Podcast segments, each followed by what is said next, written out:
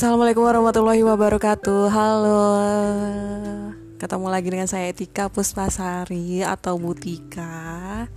Uh, Maaf lama sekali ya Podcastnya baru posting gitu. Karena um, Karena hari ini banyak sekali yang jadi unek-unek saya yang pengen saya sampaikan gitu karena bertepatan tepatnya pada tanggal 13 Juli lalu 13 Juli 2020 Mas Menteri uh, memulai menetapkan mulai menetapkan tahun ajaran baru tahun pelajaran 2020 2021 nah uh, saya pengen cerita nih beberapa persiapan-persiapan guru, uh, unek-unek siswa, juga beberapa curhatan-curhatan dari orang tua di sini yang saya terima uh, mengenai pembelajaran jauh, jarak jauh ini. Gitu. Di Indonesia sendiri untuk beberapa daerah yang sudah merupakan zona hijau itu sudah diperbolehkan untuk melakukan pembelajaran tatap muka tentunya dengan protokol kesehatan ya baik dengan masker, face, shield kemudian uh, disertakan dengan tempat cuci tangan dan lain-lain, membawa bekal. Kalau di daerah saya, di tempat saya mengajar, di sekolah saya, di daerah saya belum diizinkan untuk adanya pembelajaran tatap muka atau pembelajaran jarak dekat. Jadi mulai um, pembelajaran baru ini kita menggunakan sistem pembelajaran jarak jauh atau PJJ. Nah di dalam PJJ ini banyak sekali persiapan-persiapan uh, yang sebenarnya kita mau nggak mau siap nggak siap harus uh, bisa uh, beradaptasi dengan uh, disebut new normal oleh pemerintah new normal ini gitu kan.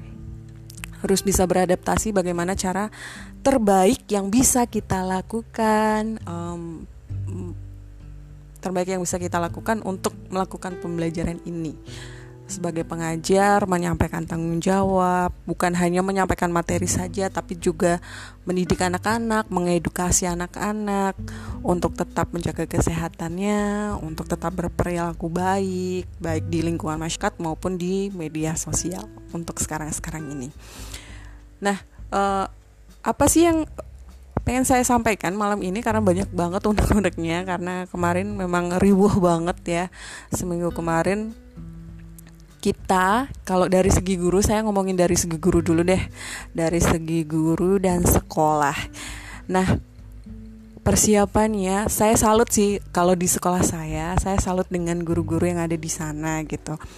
E, mereka semangatnya luar biasa sekali untuk mempersiapkan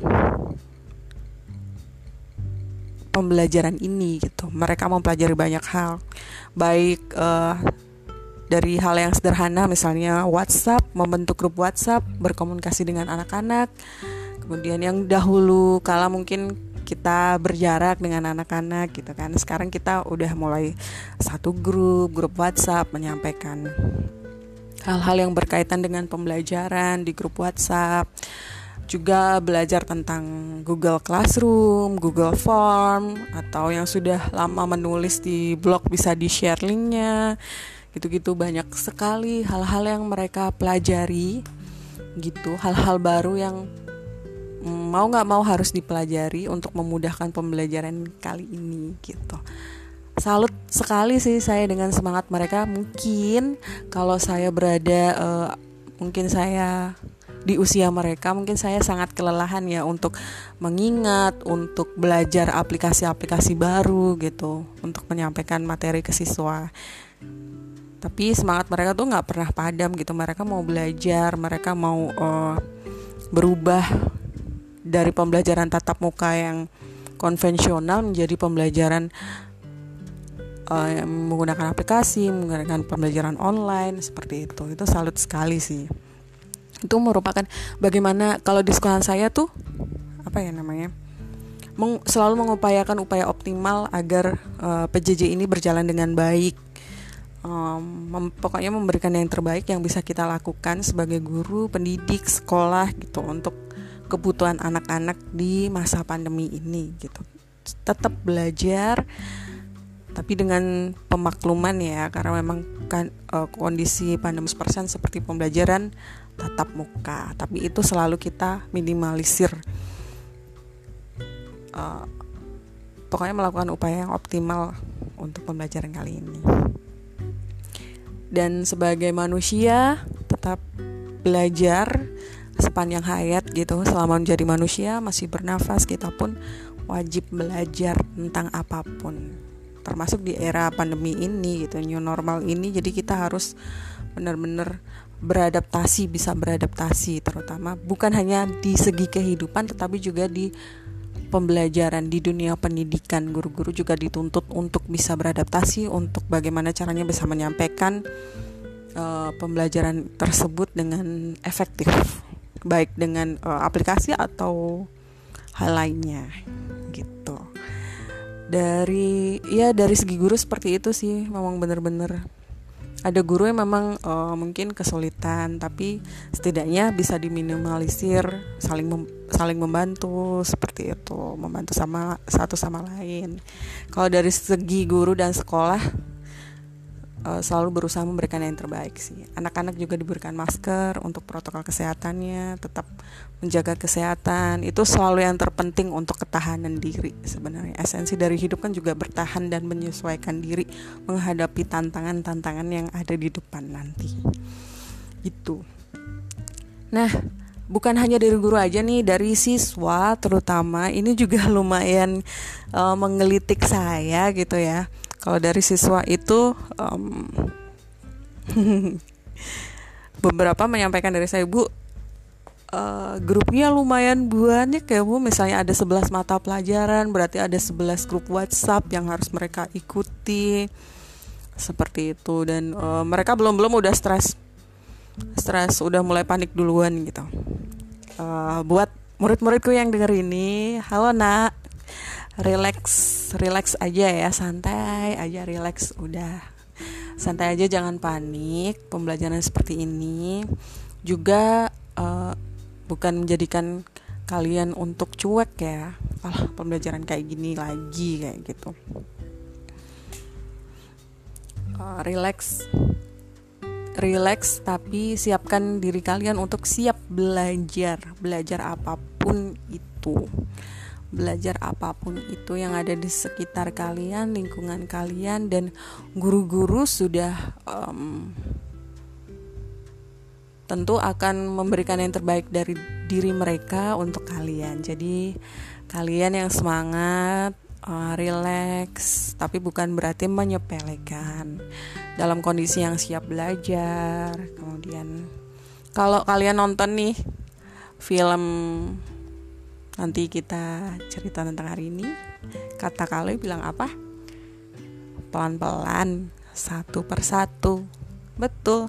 Jadi ketika uh, ada tantangan yang harus kalian selesaikan, pelan-pelan satu persatu. Tapi jangan nabung ya. Kalau nabung kalian sendiri yang bakalan kelabakan kalian bahkan kelabakan. Jadi selesaikan satu persatu. Ketika satu sudah selesai relax selesaikan satunya lagi. Gitu. Itu tips dari Butika sih sebenarnya. Untuk kalian uh, bagaimana menyiasati um, pembelajaran kali ini gitu. Bukan um, bukan panik bukan panik atau malah membiarkan saja pembelajaran ini menjadi tidak berarti. Kalian tetap dalam kondisi yang siap belajar. Satu-satu pelan-pelan kalian selesaikan. Sambil tetap menjaga kesehatan menjaga um, imun tubuh untuk tetap sehat berolahraga seperti itu. Jadi dengan kalian relax sistem imun tubuh kalian juga akan kebal insya Allah terhindar dari covid. Itu ya memang uh, bukan hanya kalian saja yang mempunyai grup banyak bukan hanya um, kalian saja yang misalnya um, agak lumayan panik dengan pembelajaran kali ini tapi tenang saja. Guru-guru juga dari kami tidak bisa bukan tidak bisa sih kami menyesuaikan dengan keadaan pandemi ini jadi memaklumi segala hal yang mungkin dari kita sendiri kita pengajar dan siswa juga masih banyak kekurangannya. Kita akan maklumi karena memang pandemi ini bukan kita yang meminta gitu sih. Itu ya anak-anak tetap semangat belajarnya. Bukan hanya dari guru bukan hanya dari siswa tetapi juga dari orang tua juga beberapa dari orang tua yang saya temuin mereka juga harus siap belajar gitu. Bukan hanya di siswa aja bukan hanya di guru aja yang harus belajar tapi orang tua juga harus siap belajar. Misalnya memandu memandu anak-anaknya anak hari ini dia belajar tentang apa mengikutinya bagaimana seperti itu. Perhatian dari orang tua itu benar-benar dibutuhkan sang anak untuk pembelajaran saat ini sih. Jadi uh, ketika orang tua mendengar podcast ini tolong diperhatikan anak-anaknya um, dicek apa yang mereka pelajarin hari ini apa yang mereka dapatkan hari ini. Kemudian yang paling penting adalah paham kondisi. Jadi ketika pembelajaran jarak jauh ini memang beberapa hal tidak efektif dan itu harus dipahami benar-benar tidak efektif. Tetapi bukan berarti dengan ketidakefektifan pembelajaran ini menjadikan uh, alasan untuk berhenti belajar untuk tidak peduli lagi. Bukan justru dengan keadaan seperti ini kita dituntut untuk lebih peduli. Kita dituntut untuk bagaimana caranya kita sebagai orang tua bisa beradaptasi dengan situasi seperti ini, menjaga anak-anak kita gitu di rumah untuk tetap berkegiatan yang positif. Menjaga kegiatan anak-anak kita untuk tetap berkegiatan positif. Itu sepertinya kalimatnya mudah tapi uh, memang sebuah pekerjaan yang cukup berat apalagi untuk anak-anak usia SMP, SMA gitu. Yang mereka sedang pengen-pengennya berbelajar, bergabung dengan teman-temannya kayak gitu. Kita harus memberikan pengertian yang baik kepada anak-anak bahwa memang menjaga kesehatan itu penting. Kemudian belajar apa pun dari kehidupan ini juga penting seperti itu. Orang tuanya juga ikut belajar dan harus paham kondisi seperti itu. Memang tidak efektif tapi itu cara terbaik yang bisa dilakukan agar menghindari dan menjaga anak-anak kita dari tertularnya virus yang mematikan ini gitu virus covid itu sih dari ortu dan um, ya banyak solusi yang ditawarkan ketika anak-anak dari misalnya dari kalangan um, dia tidak mempunyai HP Android misal atau di daerahnya tidak terjangkau dengan sinyal dan lain-lain. Ada hal-hal di mana dari sekolahan sendiri, seperti dari sekolahan saya, kita terapkan sistem gotong royong gitu.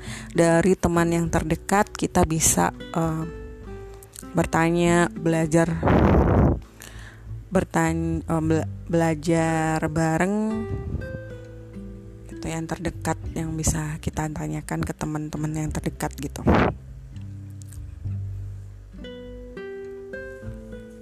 Itu sih. Memang uh, banyak kekurangannya banyak. Tapi bukan berarti kita berdiam diri saja dengan ke keadaan seperti ini.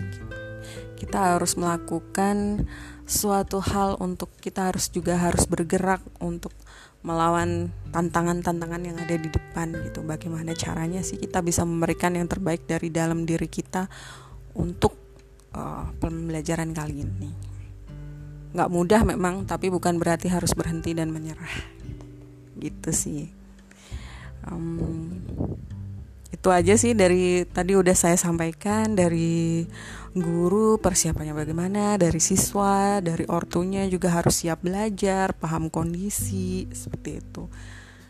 Ya itu yang saya tangkap dari apa yang saya rasakan, apa yang saya amati, apa yang saya uh, dengarkan dari orang-orang sekitar tentang pembelajaran jarak jauh ini. Tentu sangat tidak efektif, tetapi bukan berarti dengan tantangan-tantangan uh, dan situasi yang seperti ini kita hanya berhenti ber, kita berhenti bergerak dan tidak melakukan apa pun itu lebih buruk. Jadi kita tetap bergerak dengan kemungkinan-kemungkinan terbaik yang bisa kita lakukan. Itu aja. Selamat untuk anak-anak, selamat um,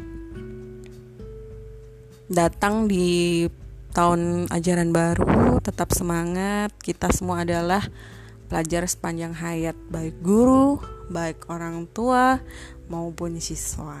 Jadi semangat aja tetap berdoa, tetap jaga kesehatan, pakai masker, cuci tangan. Dan sekian podcast kali ini saya akhiri. Assalamualaikum warahmatullahi wabarakatuh.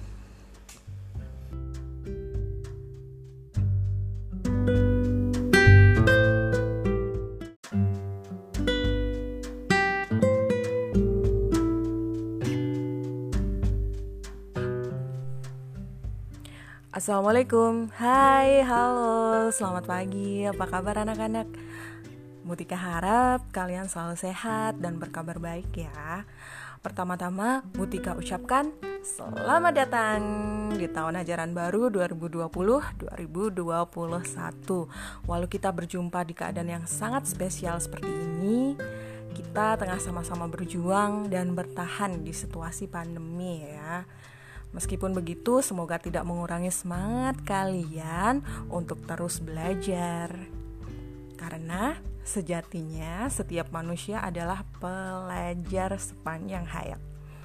Sampai nanti kita belajar tentang apa pun. Bukan hanya tentang pelajaran, tetapi juga tentang apa pun di setiap fase kehidupan kita.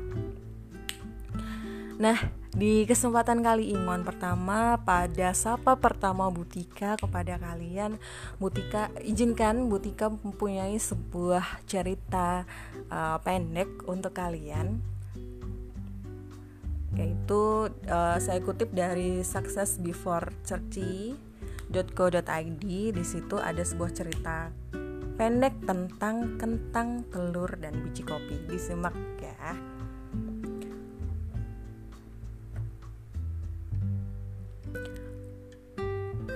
Pada suatu hari, ada seorang anak perempuan yang mengeluh kepada ayahnya bahwa hidupnya sengsara dan bahwa dia tidak tahu bagaimana dia akan berhasil. Dia lelah berjuang dan berjuang sepanjang waktu. Tampaknya hanya salah satu dari masalahnya yang dapat ia selesaikan. Kemudian, masalah yang lainnya segera menyusul untuk dapat diselesaikan. Ayahnya yang juga seorang koki membawanya ke dapur.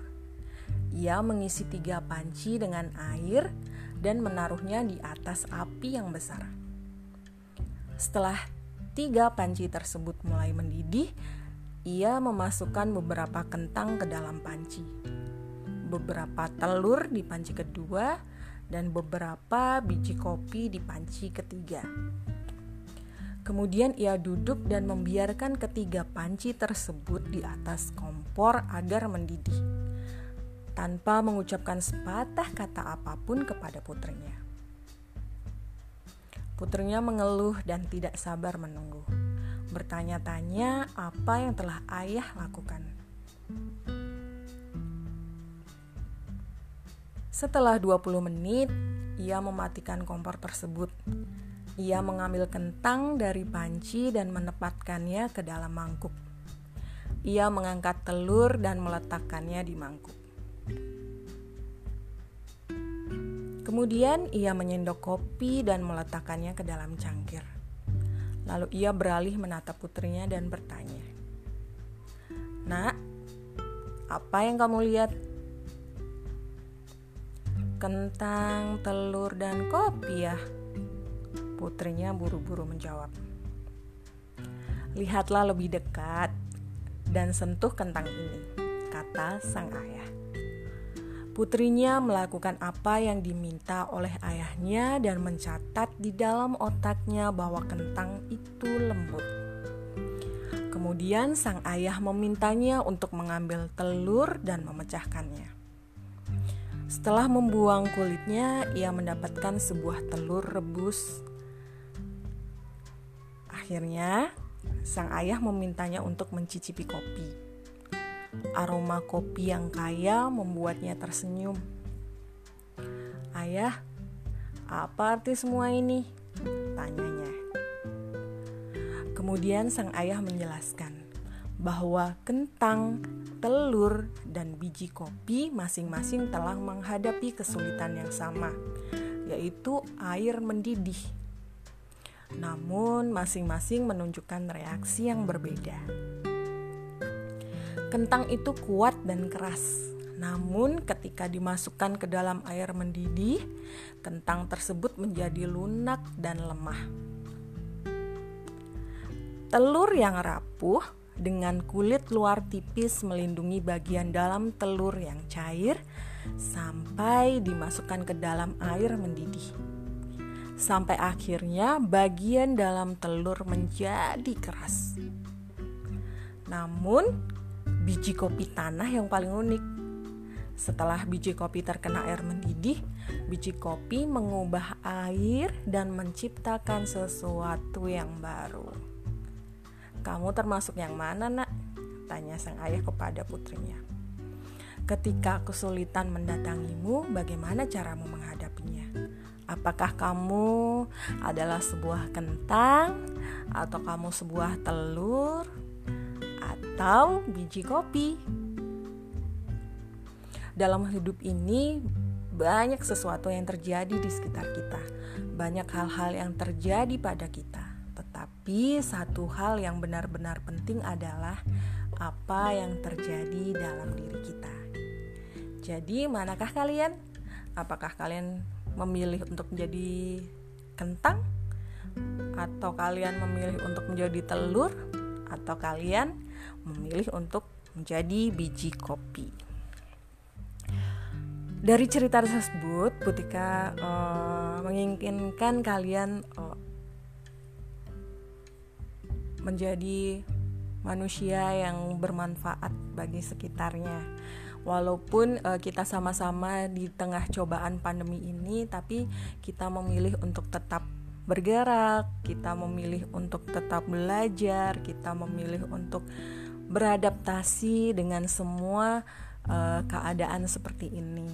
Dan Butika berharap kalian terus semangat, tetap menjaga diri, menjaga kesehatan dengan sering mencuci tangan, hindari kerumunan, menjaga jarak, berolahraga, terus berkegiatan positif. Dan satu lagi, terus belajar apa pun untuk menjadi manusia yang berkualitas dan bermanfaat bagi sekitar. Sekali lagi, selamat datang, selamat belajar, selamat berjuang. Tetap semangat. Terima kasih.